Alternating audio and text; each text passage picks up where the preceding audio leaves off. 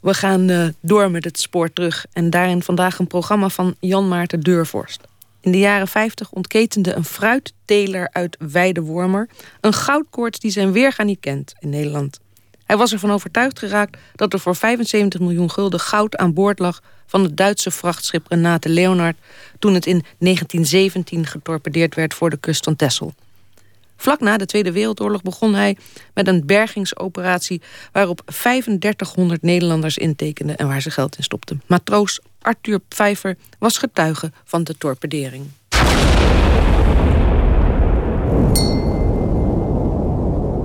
Op een nacht zijn we uitgevaren waarbij grote haast bij vertrek werd gemaakt. We stoomden vol speed naar zee. Tussen 8 en 9 uur ochtends waren we ter hoogte van Texel. We konden de kust zien. Ik zat in het kraaiennest en riep U-boot. Eerst verscheen de periscoop. Duidelijk zag ik de bellenbaan. Even later werden we precies op de machinekamer getroffen. Door de klap van de torpedo werd ik tegen de wand van de stuurhut geslingerd. Direct ging het schip op bakboordzijde liggen. Van de hoge kant ben ik in zee gesprongen. Ik had geen gelegenheid nog iets te redden. Ik heb nog wel geprobeerd terug te zwemmen om de timmerman te redden, maar dat was veel te gevaarlijk.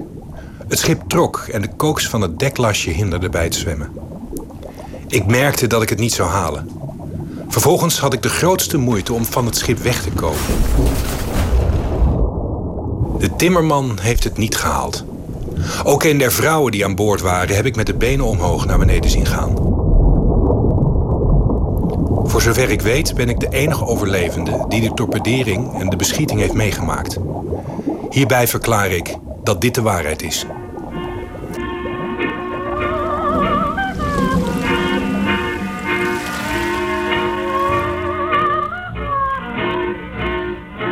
Nu, een eeuw later, ligt het wrak er nog, op 20 meter diepte. Afgelopen zomer werd het nog bezocht door wrakduiker Jaap Ilman uit Texel. Nou, die dag hadden we geluk. En uh, was het uh, boven helder en beneden helder. Dus je had een goed overzicht. En dan kon je dus duidelijk uh, de wrangen en, en, de spanten en een stukje van dek zien. Maar wat mij ook opviel, wat, uh, wat bergingsmateriaal. Er lag een blokje beton lag daar en wat ankertjes en rommel. Maar... Maar wat wil dat zeggen? Dat, dat dat er lag, dat er eerder mensen geweest waren? Ja, dat was gewoon duidelijk. Dat kon je wel zien. Dat waren de goudzoekers? Ja. En uh, wat dat betreft viel die duik een beetje tegen. Want ik heb helemaal niets zien glimmen daar. Dat was wel heel erg jammer. En als het wel zo zou, was, dan had ik het toch niet gezegd. Maar het was echt niet zo. Nee. Ja.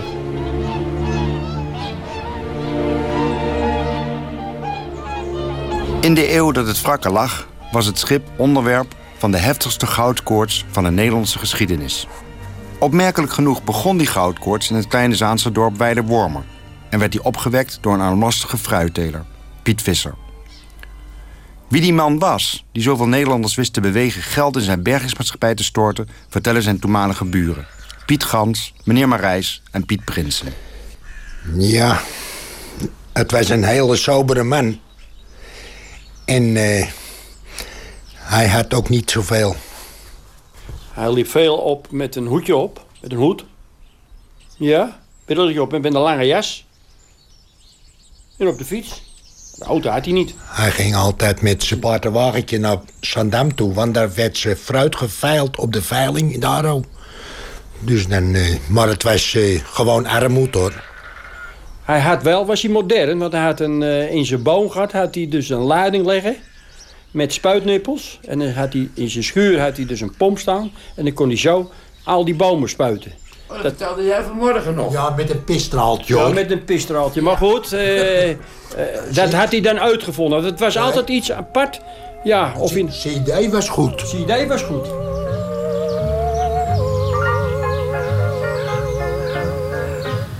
In de jaren 50 hadden de meeste Nederlanders het niet breed.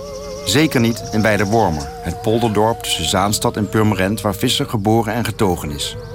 Toch is het dorp helemaal in de greep van de goudkoorts geraakt.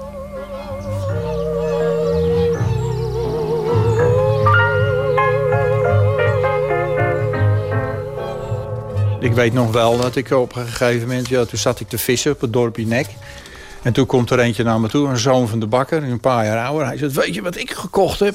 Ik heb een aandeel gekocht van Piet Visser voor 25 gulden. Nou, hij zegt, die gaat goud omhoog halen. Nou, ik zeg, eh, doe je best. Het was een sensatie eigenlijk dat hij de mensen zo gek kon krijgen dat ze allemaal aandelen kochten. Ja. Ja, ja. en de, er liepen mensen waren erbij die, die, waren lyrisch ervan. Die zeggen, nou, we worden rijk. De burgemeester, de toenmalige burgemeester van de, van de Weide Wormer... eh, dat was de burgemeester Groot, die er eentje gekocht heeft van 1000 gulden. Nou, helaas, daar heeft hij ook niks mee kunnen doen, dus hij was zijn 1000 gulden kwijt. Nee, maar er waren mensen die geloofden er heilig in dat het goud boven water kwam. En eh, hij kon ze goed overtuigen. En hij had altijd een keurig verhaal in, in de krant. 3500 Nederlanders kochten gezamenlijk voor 400.000 gulden aandelen in de bergingsmaatschappij van Piet Visser. Met dat geld werd onder andere een duiktoren gebouwd van 26 meter hoog om het goud uit het wrak te delven. De hele onderneming werd bestierd vanuit het huisadres van Piet Visser. Zijn enige zoon, de 67-jarige Gerrit Visser, kan zich de opwinding in Huizen Visser nog goed voor de geest halen.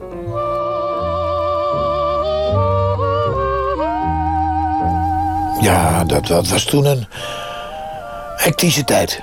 Hectisch. Hoezo? Nou ja, eh, aandeelhouders, eh, gaan zo maar door. Aandeelhouders, weet je niet. En, eh, 3300 aandeelhouders bij betrokken. En eh, er was eh, er is 402.000 gulden inschrijving betaald. Er was nog een particuliere geldschieter. eh, mevrouw Hugner uit, eh, uit Hattem, Emmelaan 2. Die heeft er ook 70.000 ingestoken. En er is nog meer mensen geweest die daar geld ingestoken hebben. Er is wel meer dan 500.000 schulden mee naar de haai gegaan. Hoe, is, hoe heeft uw vader ontdekt dat er goud in dat, eh, in dat wrak zat? In 1936 is er een lading cacaoboter aangespoeld bij Kampenduin. En toen zeggen die visserlui, weet je niet, die weet altijd wat met die wrakken aan de hand is. Die zeiden toen, dat is van de Renato Leonard. Want er zat voor 87 miljoen 0 18.575 gulden in. Maar er zat eh, voor 11 miljoen cacaoboter in. En door het, dat wrak gezonken, door die gezinken is een leuke eraf gespoeld. En toen is die cacaoboter aangespoeld op de stranden. En die cacaoboter kent tegen zeewater, hè. Die is ook wel geld waard. Heel wat zelfs. En hoe kwam uw vader er dan bij? Nou, toen zijn ze gaan snuffelen in de geschiedenis van de Renato Leonard. Hoe dat allemaal kwam.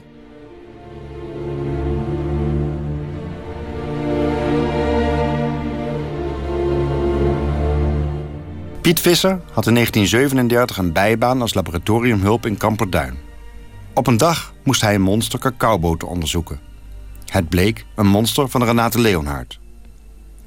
Hij ontdekte dat deze lading helemaal niet genoemd werd in de officiële laadpapieren van het schip. Verder bleek dat er allerlei geruchten bestonden omtrent het scheepswrak. Nieuwsgierig geworden gaat hij verder met zijn onderzoek. Dan ontdekte hij dat er behalve cacaoboter nog allerlei andere zaken ontbreken op de officiële ladinglijst. De rest van zijn leven staat daarna eigenlijk in het teken van het onderzoek naar de Renate Leonhard. Zijn boomgaard laat hij verwilderen. Ik krijg van verschillende kanten te horen dat Visser zijn onderzoek nauwgezet heeft gedocumenteerd in een lijvig manuscript.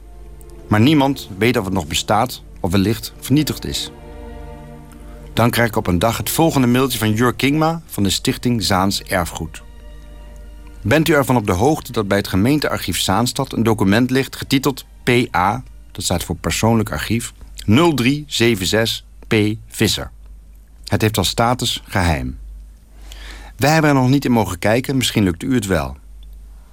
Ik stel mijn geluk op de proef en maak een afspraak met mevrouw Schaap, de archivaris van het gemeentearchief Zaanstad in Koog aan de Zaan.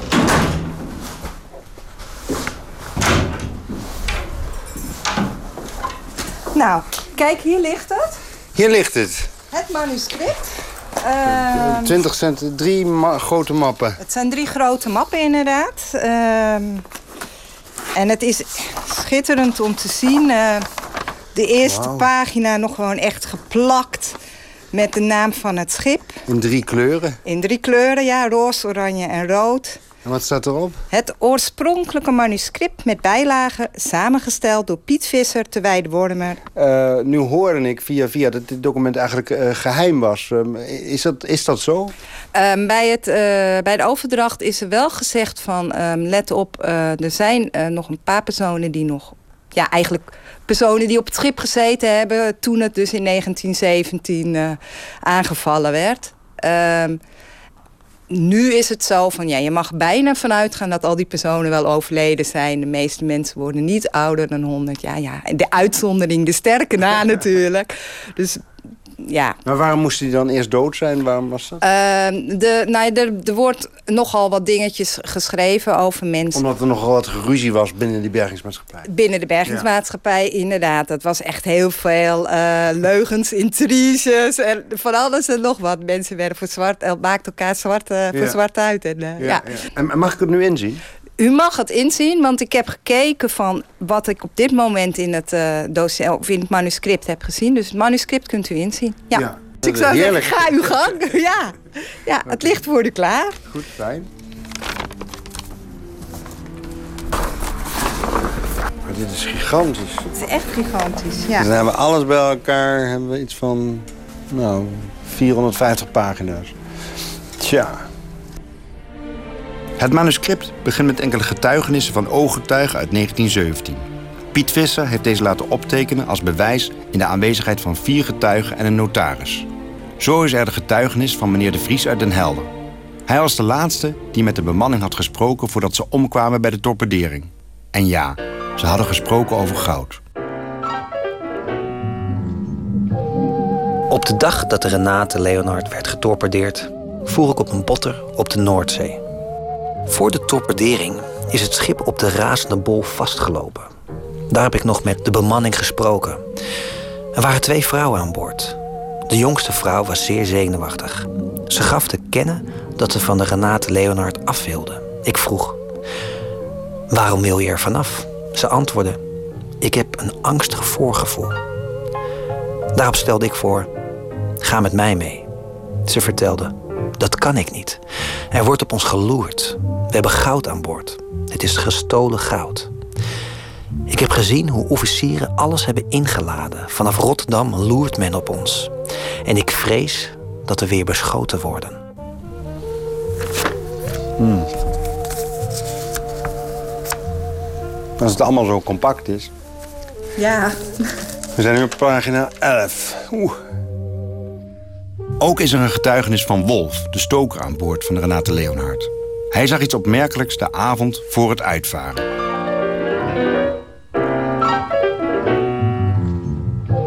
Ik ben van het stookhol naar de machinekamer gegaan en vandaar naar boven. Op het achterdek trad de tweede machinist me tegemoet met de vraag wat ik hier deed. Hij gelaste me daarop naar voren te gaan. Ik heb dit bevel opgevolgd. Wel zag ik officieren sjouwen met kistjes. De volgende ochtend, omstreeks half acht, ontmoet ik de machinist weer. Dit keer in de machinekamer. En na lang aandringen zei hij... Nou Wolf, ik zal het je maar zeggen, maar het moet onder ons blijven. Hij vertelde dat we een heel waardevolle lading aan boord hadden. En dat het iets van goud was. Zoiets als 450 kistjes, maar het kan nog wel meer geweest zijn ook. De kistjes waren per motordekschuit naar Renate Leonard gebracht. De officieren hebben het zelf in het donker geladen terwijl wij aan de boei lag. Maar denk erom, Wolf, dat er niets over gezegd wordt. Dit moet echt geheim blijven.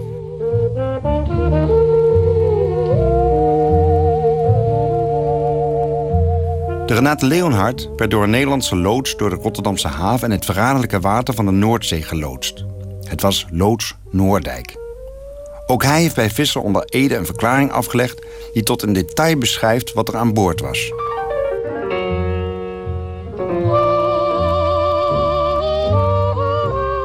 In juni 1917 werd ik gevraagd een Duits schip te loodsen naar Duitsland. Ik ontving daarvoor een ruim voorschot. Ik had eerder schepen met smokkellading naar Hamburg en Bremen gebracht. Dat was normaal. Nimmer was dit fout gelopen. De vrijdag voor vertrek waren er twee vrouwen aan boord gekomen. Die ene dame was aan een vorstelijk persoon gebonden, de andere was haar kamenier. Hun namen waren mevrouw Poortman uit Epe en Margarethe Everbank. De spanning aan boord was wat toegenomen, maar dat moest. Ik kon alleen maar in het spel meelopen. Er was mij te veel verteld omdat ik als loods onmisbaar was. In voor- en achterruim zijn 22.000 balen cacaoboter, 439 kistjes chocoladerepen, 320 kistjes rozijnen, 5000 liter rum, 454 kistjes goud, 16 kistjes zilver, ruwe edelgesteente en schilderijen geladen. Een deklasje kooks van 130 ton diende voor verdere camouflage. Tot de lading hoorden onder andere kistjes goud, verzonden van de Nederlandse bank die vermoedelijk van diefstal afkomstig waren. De Duitsers hadden er Nico-staal opgeschilderd. De kistjes waren eigendom van een hooggeplaatst persoon, werd gezegd. Er waren vele miljoenen naar Nederland gevloeid, opdat Nederland neutraal was gebleven.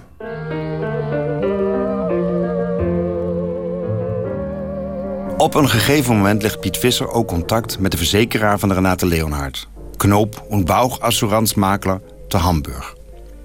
Zij sturen hem de verzekeringspapieren op. En inderdaad, daar staan 454 kistjes goud met een totaal gewicht van 17.000 kilo en een waarde van 47 miljoen mark. Deze ontdekking doet Visser besluiten om een bergingsmaatschappij te beginnen. Een jaar later weet hij ook beslag te leggen op de concessie voor de berging. Zoon Gerrit, die nog steeds hoopt dat het goud ooit boven komt, weet zelfs het adres nog van Knoop und Bauch. Alterwald 66 zal nu. Het is nou Berenberg en Goslar. Dus. Maar hoe wist zij al die Nederlanders ervan te overtuigen dat het goud erin zat? Iedereen wist het. Iedereen wist alles van de Leonard af. Hoe kwam dat? Door uh, aandacht van de media. Er is heel veel aandacht voor de media. Die de krantenknipsels zijn er nog.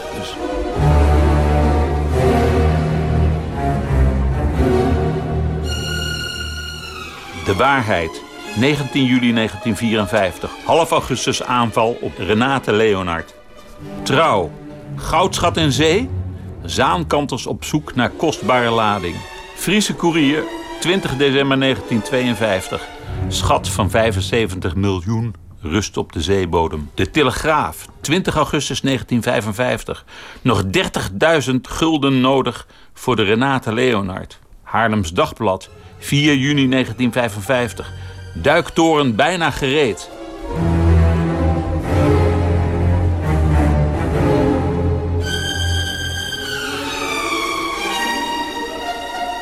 Met het geld van de aandeelhouders laat Piet in Zaanstad een installatie bouwen om de schat, die inmiddels onder een 20 meter dikke lage zeeklei was komen te liggen, op te graven. Kosten 266.000 gulden. Deze werkput was volstrekt uniek in zijn soort. De duiktoren haalde het Polygoonjournaal van 1954. In Zaandam is kort geleden een 16 meter lange toren geplaatst op de werkput die men wil laten zinken boven het wrak van de Renate Leonard. Een Duits schip dat in 1917 bij Texel getorpedeerd werd en waarin zich naar men zegt een goudschat bevindt. De installatie wordt gebouwd naar een ontwerp van de initiatiefnemer, de heer Visser, die het plaatsen van de toren met gespannen aandacht volgde.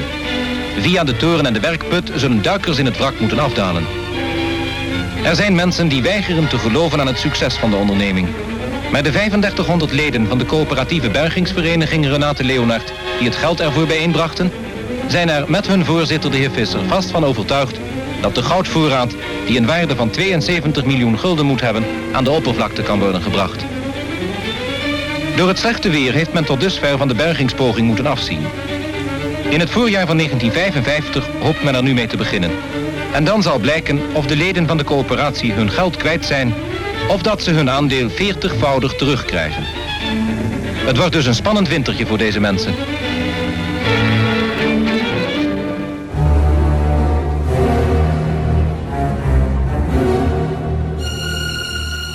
De duiktoren werd gebouwd door de gebroeders Hogeveen uit Zaandam. Piet Visser kende de firma goed omdat hij er ooit een enorme fruitpers had laten ontwerpen. Helaas stierf Hogeveen senior onverwacht tijdens de bouw van de duiktoren, waardoor zijn zonen, die alle in de twintig waren, de opdracht verder moesten uitvoeren. Zo werd Jan Hogeveen van school gehaald om de bouw te begeleiden.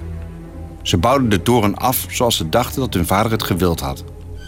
Die had niet voor niets voor een duiktoren gekozen, vertelt Jan Hogeveen, die inmiddels ver in de tachtig is.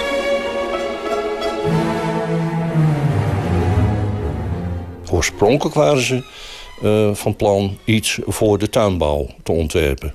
En dat ging dus niet door, want kwam aan de orde, er is ergens goud. Toen moest hij dus ook een oplossing zoeken. Hoe kan ik het boven water krijgen? Want het lag dus in een ontzettend zware stroming. Dat zelfs je verankerd zou liggen en je zou een behoorlijk pijlstok naar beneden laten zakken. Die kon de bodem niet raken, want die, voordat hij de, de bodem raakte, was hij helemaal krom bij een normale uh, doorstroming van water. De dubbelwandige duiktoren zou in de zomer van 1954 naar het wrak varen en daar worden afgezonken op de zeebodem. Onder in de duiktoren hadden de gebroeders duizenden kilo's gebruikte bouten en moeren gestort. Door dit gewicht zou de toren zich vanzelf in de klei persen, was de gedachte. In de schacht van de duiktoren, die droog bleef, zouden vervolgens mijnwerkers afdalen. Met grote pneumatische slijptollen zouden zij de onderkant van de toren eruit zagen. In de zeebodem eronder zou dan een mijnschacht worden aangelegd naar de Renate Leonhard en het goud.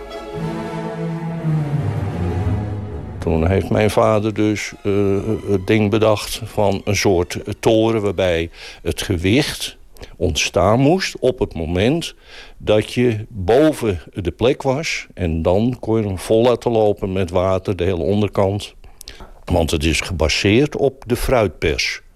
dus gewoon de uh, krans van onderen... dat dat door de rechtopstaande schotten de bodem afsloot. Want klei sluit ook af. En dan kon je in het midden, waar een, een ronde opening was van ongeveer 4 meter... waar je een gat kon maken... En daarin kon je direct naar de, het schip uh, doorstoten als het eronder zou kunnen liggen. Ja, dan krijg je eigenlijk een droge mijnschacht. Ja, ja, dus in feite is het droogwerken, als het hele verhaal klopt, droogwerken in het schip. Concurrerende scheepsbedrijven, aan wie de enorme opdracht van 266.000 gulden voorbij was gegaan, kregen er lucht van dat er oude boutjes en moeren waren gebruikt bij de fabrikage. En deden het voorkomen alsof de hele duiktoren aan elkaar was geschroefd met deze oude schroeven. Terwijl ze louter een functie hadden gehad als countergewicht. Ze kaarten dit aan bij de media en een rel was geboren. Jan is er, 50 jaar na dato, nog steeds verbolgen over. In alle kranten, in, in, ik, ik zie ze nog voor mooi, echt waar. Zulke koppen, in, dat is tegenwoordig niet eens meer in zwang. Maar zulke grote, die waren 5 centimeter groot. De uh, schroeven van enzovoort. Met uh, nou, aantijgende onderschriften. En dat was niet, niet alleen in uh, de Noord-Hollandse kranten, maar ook van Telegraaf en noem maar op. Dat was overal overgenomen. En dat ging dus over het feit dat u schroeven had gebruikt om, om, eigenlijk, om, om gewicht te maken. Het feit dat ze wisten dat er ik weet niet hoeveel tonnen aan bouten en moeren gebracht waren... en die plotseling in het schip verdwenen waren... dat ze nou zo is dat schip opgebouwd. Nou ja, dat is natuurlijk een hele rare uh, technische benadering. En dat, uh, dat klopte dus ook uh, voor geen meter. Maar ze wouden u dus gewoon zwart maken?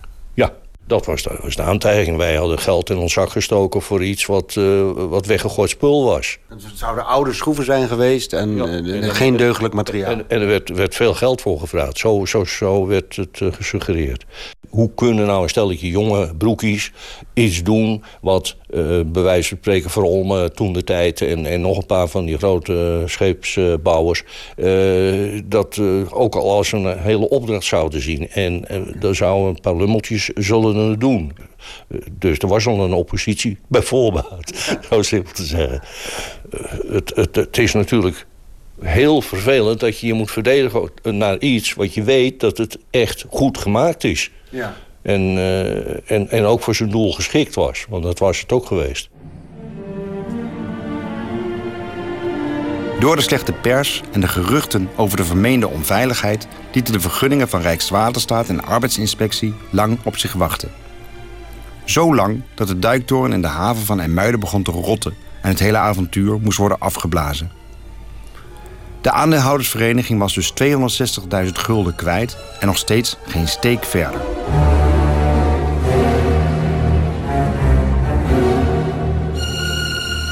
Algemeen Handelsblad, 15 maart 1955. Kort geding over een goudvissersruzie. Het vrije volk.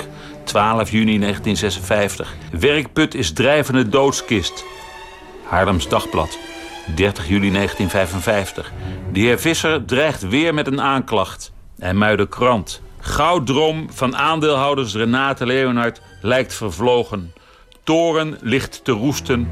Faillissement dreigt. Utrechts Nieuwsblad, 28 februari 1958. Goudvisser, visser door boze aandeelhouders uit zaal gezet. Nieuwsblad van het Noorden, donderdag 8 januari 1959. Bedrog, oplichterij en kletskoek. Bergingsvereniging Renate Leonard heeft geen geld meer. 20 augustus 1955, Utrechts Nieuwsblad. Op 19 augustus werd weer een vergadering gehouden. Hoewel, een vergadering kunnen we deze chaos moeilijk noemen. Het had meer weg van een gooi- en smijtfilm. De heer Visser, de vroegere voorzitter, werd voor analfabeet uitgemaakt, terwijl politieagenten vaak op het punt stonden in te grijpen. Drie personen beklommen tegelijk het spreekgestoelte en de verwarring was compleet. De duiktoren is dus nooit uitgevaren. Door alle tegenslag ontstond er hevige ruzie in de bergingsvereniging. De ruzie liep op een gegeven moment zo hoog op dat de oprichter, Piet Visser, werd beschoten en een tijdje zelfs moest onderduiken. Eind jaren 60 wordt de vereniging helemaal opgeheven. In het manuscript beschrijft Visser, die toen nog voorzitter was, een van die ruzies.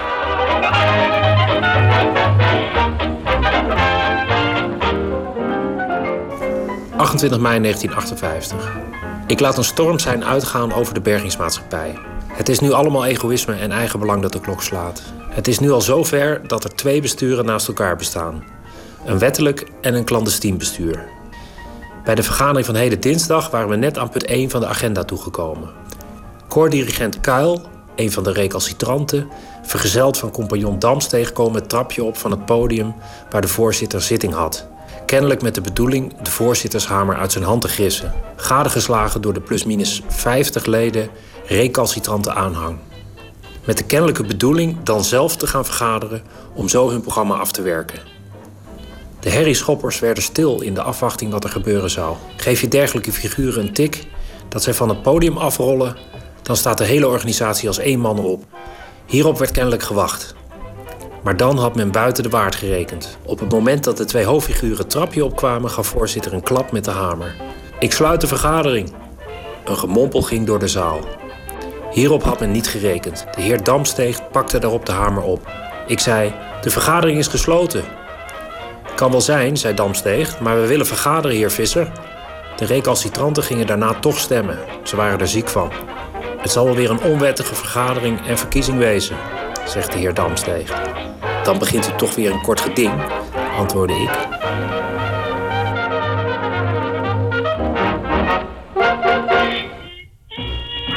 Ook voor de direct betrokkenen waren de vergadering een dramatische gebeurtenis, vertelt voormalig buurman Piet Gans.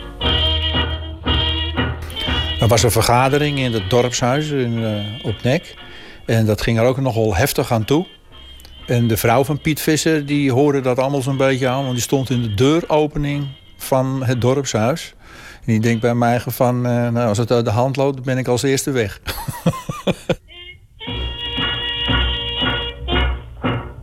Jan Hogeveen kwam een keer naar de vergadering om uitleg te geven over de duiktoren. Het ging hem niet in zijn koude kleren zitten. Ik zat in het midden in de zaal en dan zag ik voor me een, een, een hele rij mensen waar Piet Visser in, in, de midden zat. Maar ik heb hem bij herinnering zelf niets horen zeggen. Uh, ik stond te, te trillen.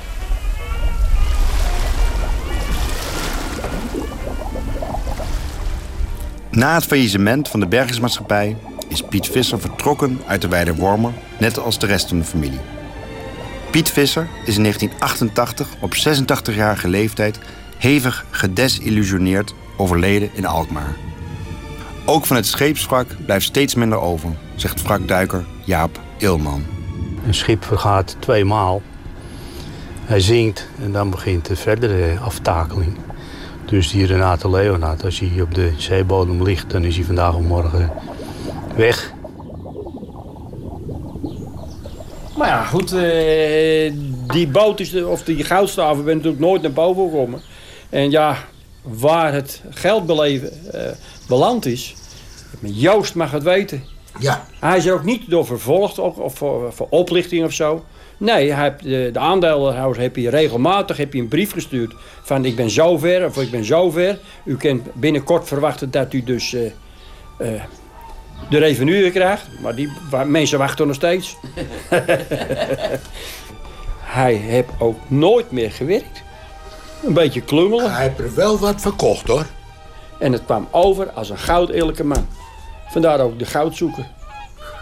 He? Het is een, uh, een zinkend schip geweest waar niks boven water gekomen is. Het schijnt toch dat er goudstaven in, in zitten. Maar... Ja, dat zeggen ze wel meer, ja. Maar uh, dat is een mysterie eigenlijk.